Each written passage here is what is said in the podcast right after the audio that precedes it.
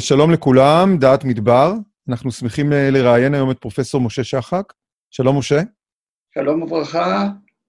אנחנו מאוד שמחים שהצלחנו בסופו של דבר לתאם את השיחה הזאת, וגם אה, בימים אלה של הקורונה, אני יודע שזה מאתגר במיוחד, אז אני מאוד מודה לך. אני אומר אה, מספר דברים. א', איך התגלגלתי להיות חוקר מדבר. התגוררתי במדרשת שדה בוקר, ועניין אותי איך ישנם החיים במה שנקרא Frontier of Life, בחזית, כי החיים הרי התפתחו מהמים. אז לכן השאלה המעניינת היא איך החיים הגיעו והסתגלו ולתנאים הבלתי יציבים והכי מועטים במים פני כדור הארץ. מרגע שזה עניין אותי, אז החלטתי שאני עושה את הדוקטורט באקולוגיה מדברית, ומרגע ראשון עניין אותי קצת שונה מאשר היה הטרנד באותו זמן במדינת ישראל. במדינת ישראל האקולוגיה צמחה מהפיזיולוגיה. זאת אומרת, האנשים הניחו שאם אתה מבין טוב את משק המים של היצורים במדבר, אתה תבין טוב מאוד מה קורה ואיך מתנהגת המערכת.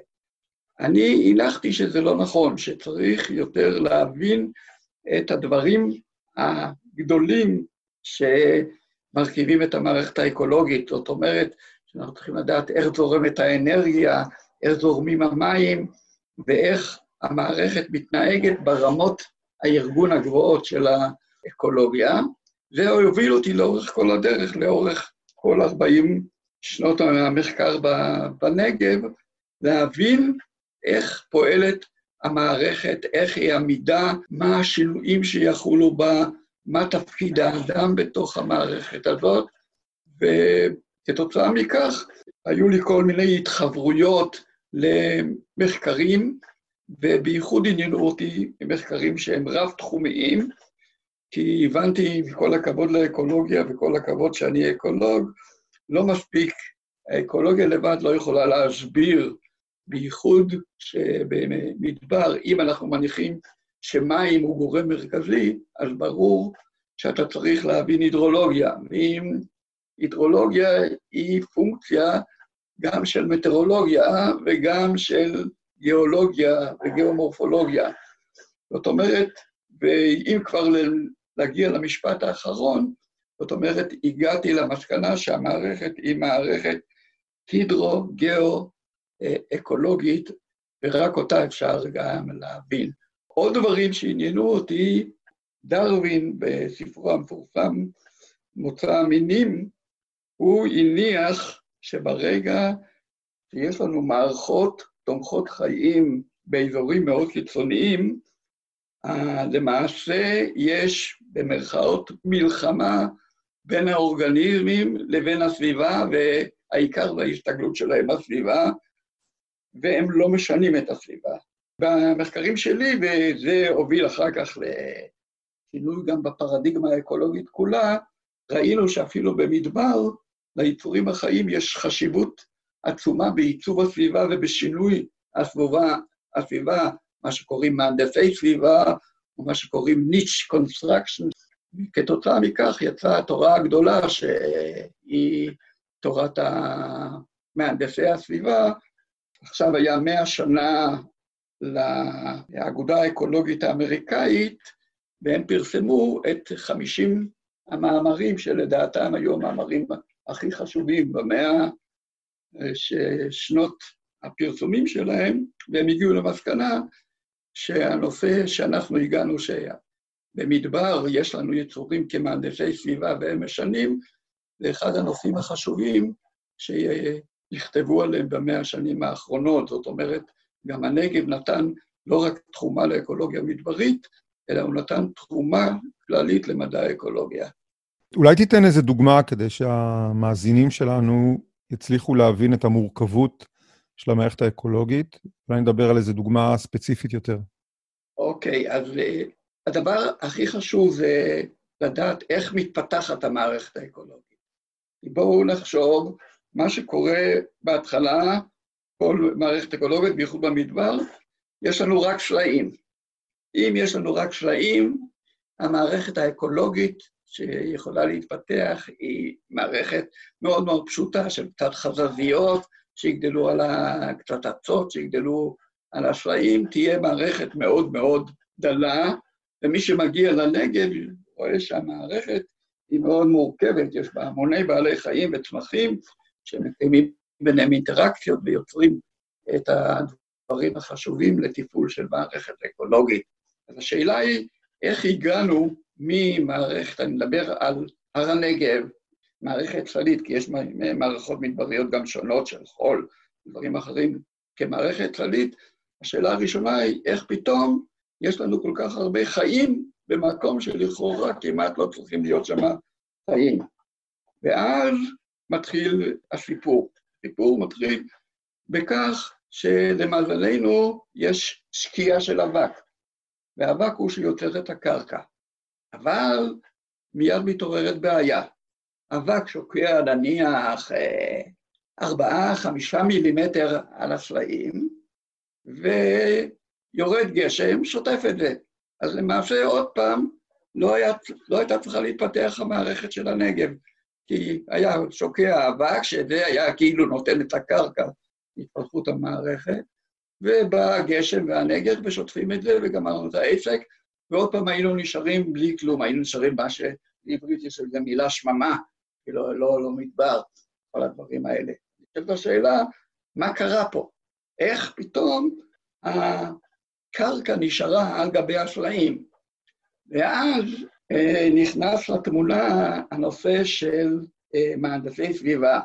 אה, המהנדס הסביבה המרכזי שנותן לנו חיים בנגב, כמה שזה משונה, זה יצור שנקרא בשם ציאנובקטריות, זה יצורים שהם חוטיים כאלה, והם, תחום המחיה שלהם זה בתוך הקרקע, אבל יש להם תכונה מאוד מסוימת. התכונה המסוימת שלהם, שכדי שהם יוכלו להפיץ את עצמם ולהתרבות, הם חייבים להפריש חומר, הם מפרישים רב סוכרים שמדביקים את גרגרי הקרקע ביחד. אז הם הדביקו את הגרגרים ביחד, ועכשיו כבר הנגר לא יכולה לסחוף. זאת אומרת, כבר מרגע ראשון, כל המערכת האקולוגית של הר הנגב הייתה תלויה באינדוס סביבתי על ידי אורגניזמים. בלי האינדוס הזה, שיצר כתמי קרקע בתוך הנגב, לא היה לנו קורה שום דבר. עכשיו מתחיל הסיפור. הגשם הוא לא מספיק כדי להחזיק מערכת אקולוגית. ולכן צריך להיווצר דבר חדש. דבר חדש הוא שהמערכת היא תלוית נגר. איך היא תלוית נגר? עכשיו שיש לנו כתמי קרקע על הסלעים, הנגר שיורד מן הסלע נבלע בקרקע. עכשיו הרווחנו, כי כל כתם קרקע מקבל גשם ישיר ומקבל את תוספת הנגר שתורמת מן הסלעים. בשפה מקצועית אנחנו קוראים שהמערכת הזאת היא מערכת שפועלת, שאפשר להסביר אותה, על מקור במבלע. זאת אומרת, המערכת הנגב, אחרי ההינדוס הראשוני על ידי הציאנובקטריות, נהפכה למערכת מקור מבלע, שהסלעים זה מקור לנגר, והקרקע היא מבלע לנגר, ולכן כל כתם למעשה לא מקבל את כמות הגשם שיורדת, הוא מקבל כמות פי שתיים, פי שלוש. וזה מה שמאפשר את החיים בנגב, כי אם, ולכן היא מערכת תלוית נגר ותלויה בנושא של כתמי קרקע וכתמי סלע. זאת אומרת, יצירת הכתמיות היא שאפשרה את התפתחות החיים בנגב, ויצירת הקטמאות היא אינטראקציה מאוד מאוד משונה בין משהו גאו, האבק, לבין משהו שהוא ביו, הטיאורובקטריות, שהדביקו אותם.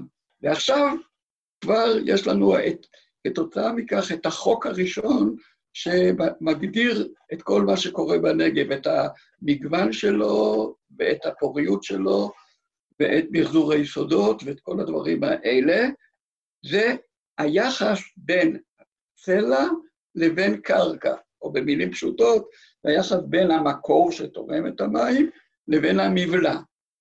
ככל שיש לנו מקור גדול, כלומר שטח סלע גדול, וכתם קטן של קרקע, הוא מקבל הרבה מים, ואז יכולים לחיות בו יצורים שהם זקוקים להרבה מים. כשיחס הזה משתנה, שיש לנו כתם קרקע יותר גדול וכתם סלע יותר קטן, ברור שהקרקע היא מקבלת פחות מים יחסית לגודלה, ואז יכולים לגדול בה צמחים ובעלי חיים שהם זקוקים נניח לבינוני. נשאלת השאלה, מה היה קורה אם כך התהליך, מה היה קורה אם כל השטח היה מתכסה בלש? אם כל השטח היה מתכסה בלש, עוד פעם היינו מקבלים שממה. כי אם כל השטח מכוסה בלש, מה שקורה, יורד גשם, אפילו גשם טוב, נניח של 20 מילימטר. 20 מילימטר חודרים בערך לעומק של 20 סנטימטר, למחרת זורחת השמש, וכל המים האלה מתאדים.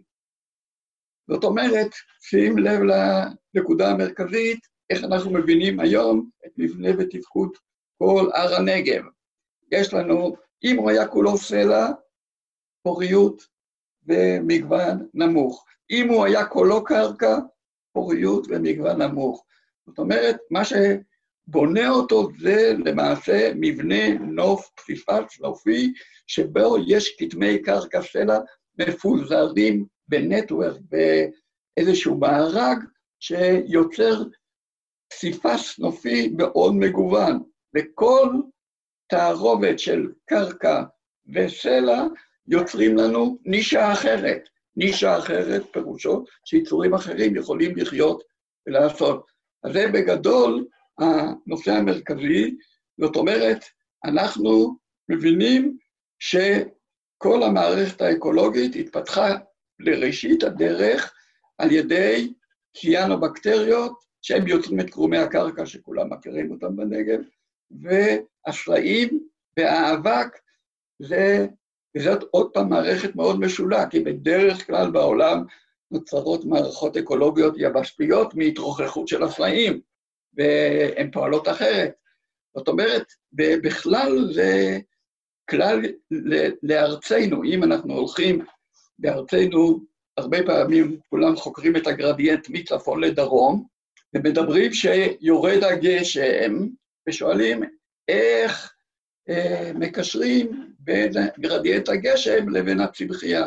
אסור, מנקודה מסוימת, המערכות בארץ הן תלויות נגר, הן לא תלויות רק גשם. ולכן יש לנו למעשה בארץ שלושה סוגי מערכות. מערכות נניח בצפון, שהגשם הישיר מספיק כדי לקיים את המערכת האקולוגית.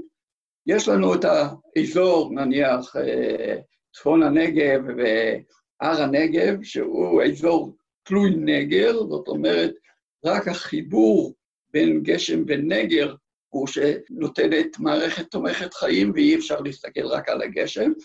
וכמובן שאנחנו הולכים דרום-דרום, באזור המאוד צחיח, זה מערכות תלויות שיטפונות.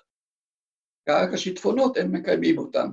לכן צריך בכלל לשנות את הגישה של להסתכל על המערכת רק על גרדיאנט גשם, אלא צריך להסתכל על גרדיאנט מים, שהוא הרבה יותר חשוב, שהוא קובע והוא נותן את הנושא.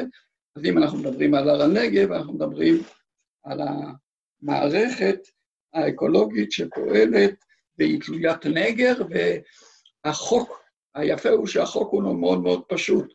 הנגר תלוי כמובן בעוצמות הגשם וכל הדברים האלה, אני לא אכנס לכל הדברים, אבל זה אינטראקציה בין גשם, סלע, אבק, קרקע וציאנו-בקטריות. אם לא מבינים את כל זה החיבור, המארג הראשון שיוצר את מערכת החיים בנגב. ועכשיו תשאל שאלה, אוקיי, אם ככה, אם הציאנו-בקטריות לוקחות ומעשירות כל הזמן את המערכת בקרקע, עם הזמן כל המערכת הייתה צריכה להיות מכוסה בקרקע, ואם כל המערכת הייתה מכוסה בקרקע, אז היא עוד פעם הייתה שממה.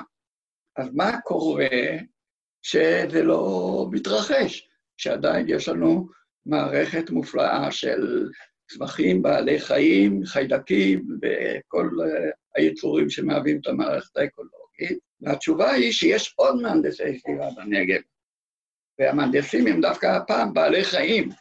יש לנו בעלי חיים שהם נוברים וחופרים בקרקע.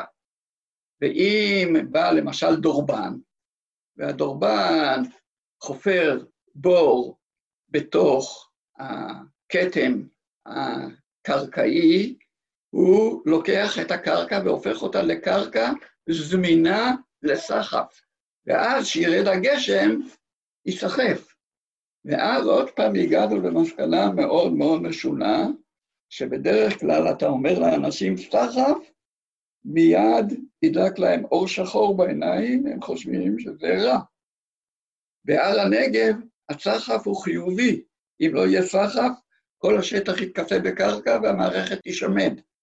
ולכן הדורבנים למשל שחופרים, אבל יש לנו עוד, יש לנו את האיזופודים, את הסרטנים שווי הרגליים, שגם הם חופרים, הם מוציאים את הקרקע, והקרקע הזאת אה, נסחפת. ואנחנו בדקנו את זה בהרבה שנים, היה מחקר ארוך טווח ברכס חלוקים, שניהל אותו פרופסור אהרון יאיר מאוניברסיטת ירושלים, עם הרבה חוקרים נוספים, שאני לא אמנה כעת את שמם, ושם אה, חקרנו בדייקנות, וראינו שבאמת אה, הנקודה היא שהפעילות של האיזופודים ושל הדורבנים בחפירה היא מה שגורמת לכך שהמערכת נשארת יציבה. בלעדיה היא, יכולה להפך, ודווקא בגלל שיש קרקע, גם משונה עוד פעם שצריך להבין את זה, כשמסתכלים על מדבר. בגלל שיש קרקע, עודף קרקע זה דבר לא טוב למערכת. נקודה אה, מאוד מאוד מעניינת, והיא גם חשובה כעת בהקשר של שינוי אקלים. כתוצאה מהשינוי האקלים יש תמותה גדולה, למשל של האיזופודים, ואז המערכת כן תלך ותתכסה בקרקע. וזאת תהיה בעיה, שהמערכת לא רק תלך ותעשה יותר ויותר תוצאה מכמות הגשמים שהולכת ופוחתת, אלא תהיה צריכה יותר בגלל שעוד פעם, בניגוד להיגיון שלנו, שיצטבר בקרקע. זו נקודה מאוד מאוד חשובה אה, להבין. לכן חשוב להבין שמדבר, בהתחלה ניסו להסביר, מה שאמרתי, המשפטים הקודמים בהתחלת הדרך, להסביר מדבר, אוקיי, בעלי חיים וצמחים צריכים רק להסתגל לתנאים. זה לא ככה. בעלי חיים והצמחים הם שותפים פעילים בבניית המערכת, והם בונים אותה, אם קורה להם משהו כתוצאה משינוי אקלים למשל, או ניהול לא נכון של המערכת, אז uh, אנחנו בבעיה, כי למשל שום אדם לא יכול להחליף עם כל הטכנולוגיה שלו את הפעולה של הציאנובקטריות. הם יכולים לעבוד על שטחים עצומים. אם אנחנו היינו צריכים לקבע את הקרקע בכל שטחי הנגב, אז מצב במדינת ישראל גם כיום לא כל כך טוב בגלל הקורונה, היה עוד יותר גרוע. זאת אומרת, זה גם משנה את התפיסה שלנו לגבי יחסי אדם-טבע. זה אומר, תפיסה, זה אומר, אנחנו צריכים, בני אדם הם סופר מהנדסים. לכן האדם צריך לשתף פעולה עם המהנדסים הטבעיים כדי לשמור על הטבע. זאת אומרת, זה עוד פעם תפיסה שכתוצאה מזה שלמדנו את המערכת שונה, כי בהתחלה, הרבה שנים, תפיסת שמירת הטבע היה, אוקיי, נשמור על בעלי חיים מסוימים, שהם חשובים, נשמור על פרחים שהם נדירים, אבל תפיסה יותר רחבה, כתוצאה מהידע שצברנו בחמישים שנים האחרונות, אומרת, לא, לא, אנחנו צריכים לשמור על המערכת, ולשמור על המערכת אנחנו צריכים שיתוף פעולה עם היצורים שהם עוזרים לנו לשמור על המערכת. עדיין זה כמובן לא נפוץ במדינת ישראל, כי במדינת ישראל בכלל אנחנו, יש לנו אוכלוסייה של מדענים מצוינים באקולוגיה, אבל אין לנו את כל המרחב האקולוגי שצריכים בו אה, מדענים. למשל, מעדנים של מערכות אקולוגיות כמעט ואין לנו בארץ, והיום ברור חד משמעי שכדי אה, לדעת ולכוון את יחסי אדם-טבע, אתה חייב לדעת איך האדם פועל עם המערכת האקולוגית ועם היצורים ששומרים על המערכת האקולוגית, וכמובן הרבה הרבה הרבה יותר אה, מסובך, אבל אני מקווה שלמדנו ואנחנו נדע לעשות את זה הרבה הרבה יותר יפה. מה הבעיה המרכזית של מדבר? כמו שאמרנו קודם, שצריך לשמור על יחסי סלע קרקע ונגב, וכל הדברים האלה, אני חושב שהבהרתי אותם, אבל יש עוד בעיה מרכזית למדבר. בעיה מרכזית למדבר היא בעיית ההמלכה של הקרקע. מה קורה? יורד גשם, ובתוך גשם הוא לא מים טהורים, יש בו כל מיני חומרי, חומרים מינרליים. מים האלה מתאדים, הגשם חודר לקרקע, מים מתאדים, ונוצרת שכבת מלח. והמלח הזה הולך ומצטבר, המערכת הולכת ומדלדלת. אתם מבינים, אנחנו, המערכת המדברית כל הזמן, חוץ מהנושא של בצורות ודברים שהם טריוויאליים, שכל אחד יודע, יש לה המון בעיות איך לשמור על עצמה מהידרדרות. ואחד הנושאים של הידרדרות, שאותם למדנו, זה, זה המלאכה של הקרקע. עכשיו, איך מוציאים את המלח? אפילו האדם יבוא, מה, ייקחו בולדוזר ויעברו על כל הנגב, אז איזה צורה תהיה לזה אי אפשר. אז למזלנו, יש לנו עוד פעם את האיזופודים כמהנדסי סביבה, הם חופרים במחילה שלהם ומגיעים עד שכבת המלח, הם אוכלים את שכבת המלח, עולים כלפי מעלה ומותירים את הגללים שלהם, המלוכים, על גבי הקרקע. הגללים האלה יכולים להיסחף. זאת אומרת, יש לנו שלושה יצורים שהם למעשה מחזיקים את הנגב. הציאנובקטריה שמחזיקים את הקרקע, איזופודים והדורבנים שדואגים שלא יהיה יותר מדי קרקע, והאיזופודים שדואגים שהקרקע לא תבליח. אם תשים לב, אף אחד לא אומר בחוגי שמירת הטבע שמה שצריך לשמר זה את הפעילות של הדורבנים, את הציאנובקטריה, מבין, אנחנו מדברים, יש המון האנשה, אנשים משמרים יצורים, אבל אם אנחנו מסתכלים על המערכת האקולוגית, יש עוד כמה קנדידטים שבדרך כלל, אם תשאל את רוב הציבור, הוא לא יודע בכלל מה זה ציאנובקטריות, זאת אומרת, אנחנו צריכים לשנות שגם דברים שאנחנו לא רואים עושים כל מיני דברים מאוד מאוד חשובים. אני חושב שבעידן הקורונה יהיה יותר קל לשכנע אנשים שיצורים שאנחנו בכלל לא רואים אותם ולא יודעים עליהם, יכולים לשנות הרבה במהלך החיים שלנו.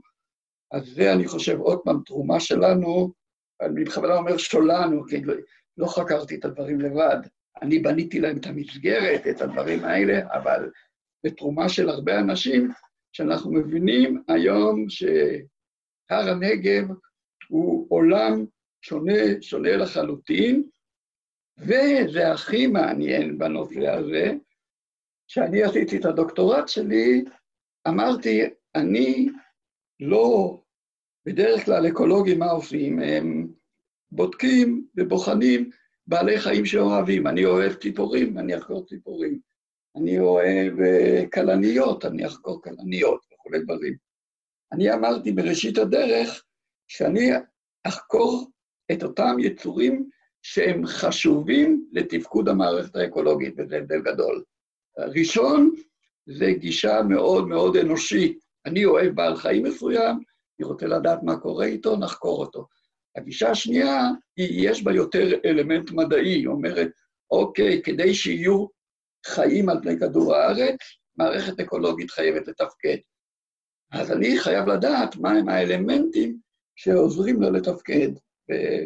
זאת גישה, עוד פעם, קצת שונה מאשר הגישה השגרתית, ואני אספר פה את האנקדוטה, ואז כשבדקתי באזור שדה בוקר, מצאתי שהאיזופודים הם הייצור בעלי הביומאסה הכי גדולה ליחידת שטח, הרבה יותר מגמלים והרבה יותר מדברים אחרים. ובאתי למדריך שלי, שהוא היה אקו-פיזיולוג, אריה בורות, ואמרתי לו, תראה, מצאתי שהאיזופודים הם הייצור הכי נפוץ. אז מה התשובה שלו הייתה? לא יכול להיות. למה? איזופודים זה ייצור שמאבד המון מים. איך יכול להיות שייצור, אתה מבין, זה עוד פעם שבר לגמרי את הגישה. הגישה הייתה מי הכי טוב במדבר, מי הכי יעשה טוב למדבר, ושיודע לנצח הכי טוב את המים. פתאום מתברר שהמדבר לא קרא את הפרדיגמה הזאת, ויצור שהוא מאבד המון מים, הוא דווקא יצור מרכזי.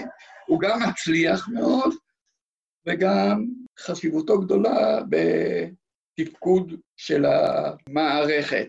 אתה בעצם אה, ציינת שבמחקר שלכם זיהיתם מספר מהנדסי סביבה. אני מניח שמכיוון שהנושא הזה הוא חדש, יש עוד מהנדסי סביבה רבים שאנחנו לא מודעים להם. בטח, תראה, הנקודה של מהנדסי סביבה, עוד פעם, אני לא רוצה לטפוח לעצמי על השכם, אבל במדע נמדד ערכו של אה, מאמר, כמה פעמים מצטטים אותו. המאמר שלנו, שהופיע על אה, מהנדסי סביבה, הוא כבר מצוטט קרוב לשבעת אלפים פעם, שזה דברים נדירים, בדרך כלל מאמר מצטטים אותו. מאמר טוב, זה נחשב מאה פעמים, משהו כזה, ומספר המאמרים בדיוק לשאלה שלך על מהנדסי סביבה, מספר המאמרים על מהנדסי סביבה כל שנה זה מתבטא במאות, זאת אומרת, בדיוק מרגע שהפצנו את זה, כמעט בכל המערכות האקולוגיות על פני כדור הארץ רואים, כולל המערכות הימיות, המערכות הימיות לא פחות, מסתבר שמהנדסי הסביבה הם אה, דבר מאוד מאוד מאוד מרכזי בתפקוד ובשמירת החיים על פני כדור הארץ. אז כך ש... ובנגב בטח שיש עוד, יש לך נברנים שחופרים, גם היום הכניסו את זה למדעי האדם.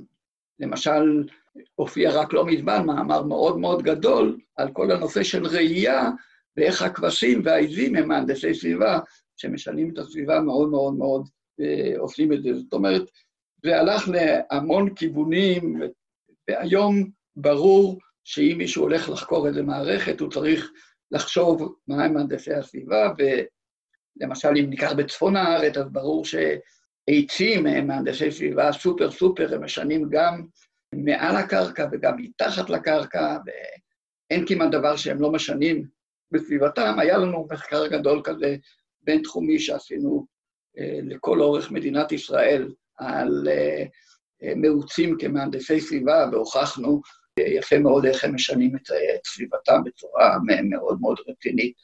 זאת אומרת, אין, לפי דעתי היום, אפשרות אה, לדבר על מערכת אקולוגית בלי לברר את מהנדסי הסביבה שלה, לראות מה הם אוספים, וזה הולך היום בכל העולם. אתה מכניס אורגניזם, ecosystem engineers, בתוך גוגל, ואתה רואה אלפי מאמרים. זה, זה אולי באמת מוביל אותנו לנושא הנוסף שרציתי לדבר איתך ולשמוע, זה על הפרויקט הבינלאומי, שבעצם אתה מנהל את החלק הישראלי שלו, שנקרא LTER, Long Term Ecological Research. אז אולי תוכל לספר לנו קצת מה זה הפרויקט ולהיבט הישראלי שקשור לתחנות המדבריות שלו. מכיוון שאני הייתי שותף בכלל גם של, לזה שהייתי יועץ לבניית ה-LTR הראשוני, שהוא נוסד בארצות הברית ב-1980, אז אני מכיר את הלבטים שהיו לאנשים.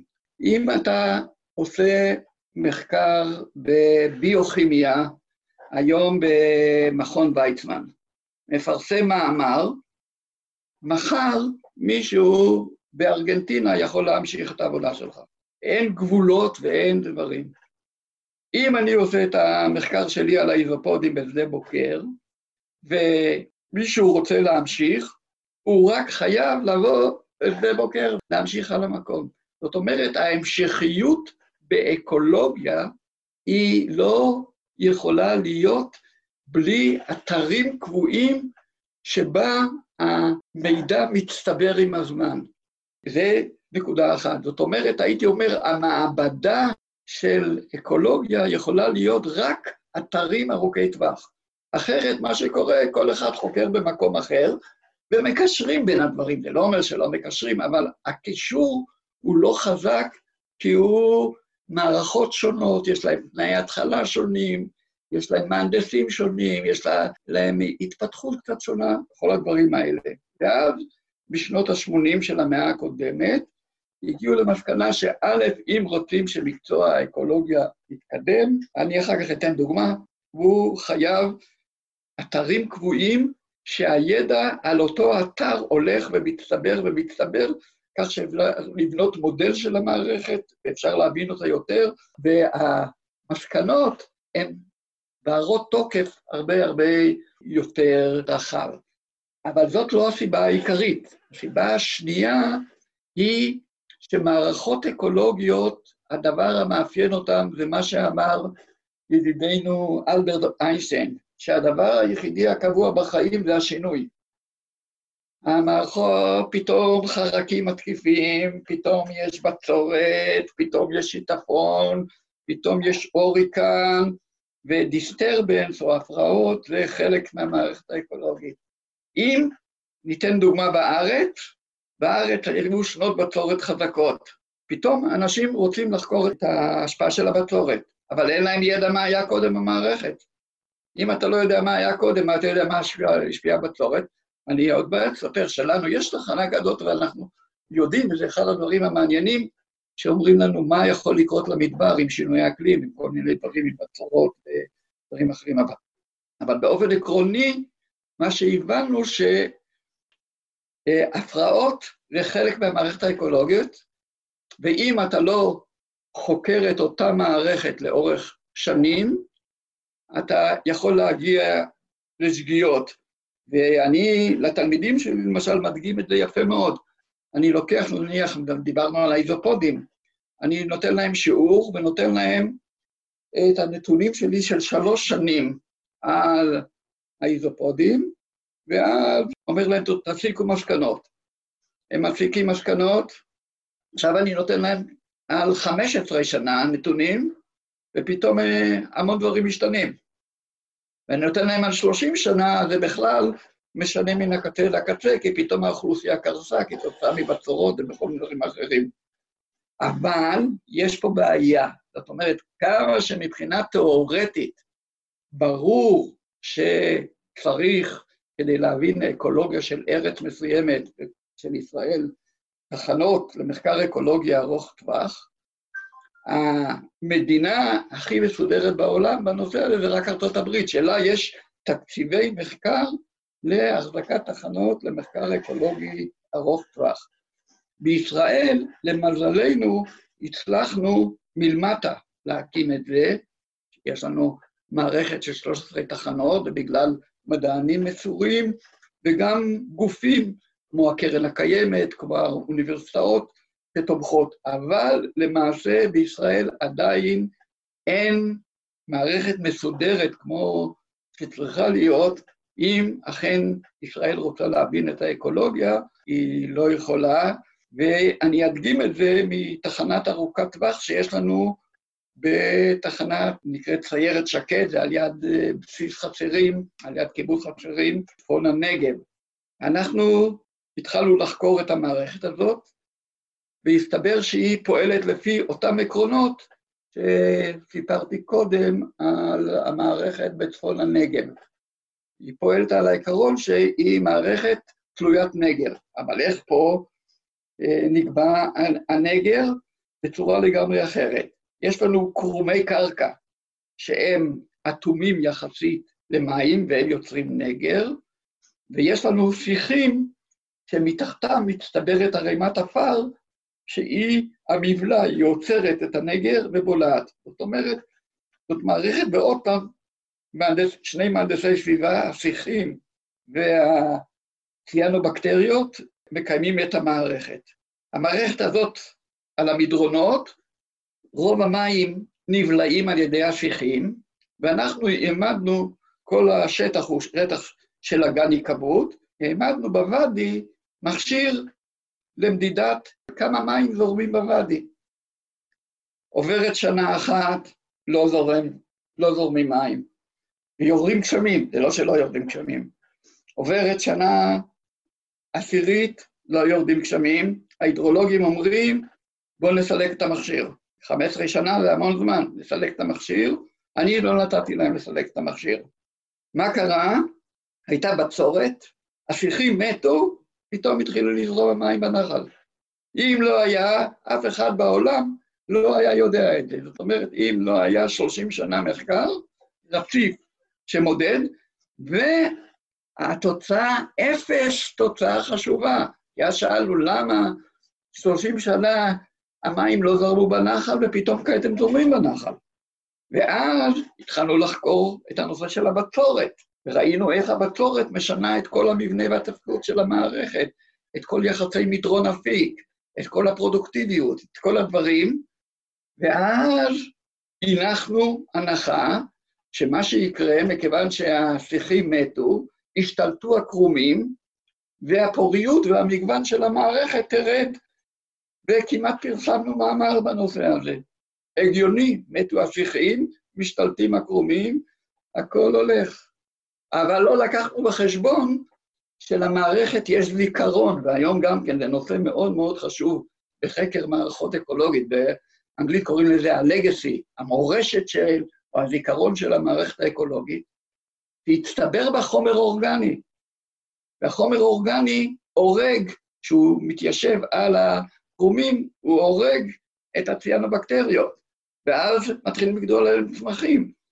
ולכן המערכת לא נהרסה, והיא לא נהרסה בגלל הלגסי או המורשת של החומר האורגני. ואחרי LTR שאנחנו חוקרים בו 30 שנה, לא שמנו לב לחשיבות העצומה של החומר האורגני, כי בספרים כתוב שבמדבר חומר אורגני הוא לא דבר חשוב. אז אתם מבינים, לקח לנו, אני למעשה מקנא בך שאני מספר לך את כל הסיפור, כי לי לקח 30 שנה ואתה כבר יודע את הסיפור. אם לא היה הרצף, לא היינו יודעים על יחסי מדרון אפיק לאורך זמן, כי אנחנו בני אדם חיים זמן מסוים. ולא רק, זה מעורר הרבה שאלות המשכיות לתלמידים צעירים שבאים לשטח. הם עכשיו מגלים דברים חדשים שהם לא חשבו עליהם קודם, ויש להם בסיס נתונים מאוד מאוד מאוד רחב. אז זאת אומרת, אנחנו במדינת ישראל יש לנו תרומה גדולה של ה-LTR, ה-LTR הישראלי נחשב טוב בגלל שהוא תרם כמה תרומות חשובות אה, למדע האקולוגי, אבל הוא יכול להיעלם מהמפה. זאת אומרת, אין הבנה, למשל, של משרד המדע ממלכתית בחשיבות, וזה עוד פעם נובע בגלל שבארץ אין לנו לעומת ארצות הברית, את כל המדענים שעוסקים בחקר מערכות אקולוגיות וכולי וכולי. זאת אומרת, אנחנו כארץ קטנה, יש לנו המון יתרונות, יש לנו המון מדענים טובים, אבל אין לנו את כל ההיקף שדרוש כדי להבין אה, את האקולוגיה המדברית של ישראל, ואני מקווה, אז עושים מאמצים מקסימליים כדי שזה יתקיים, אבל לא הייתי אומר שזה בתודעה המרכזית,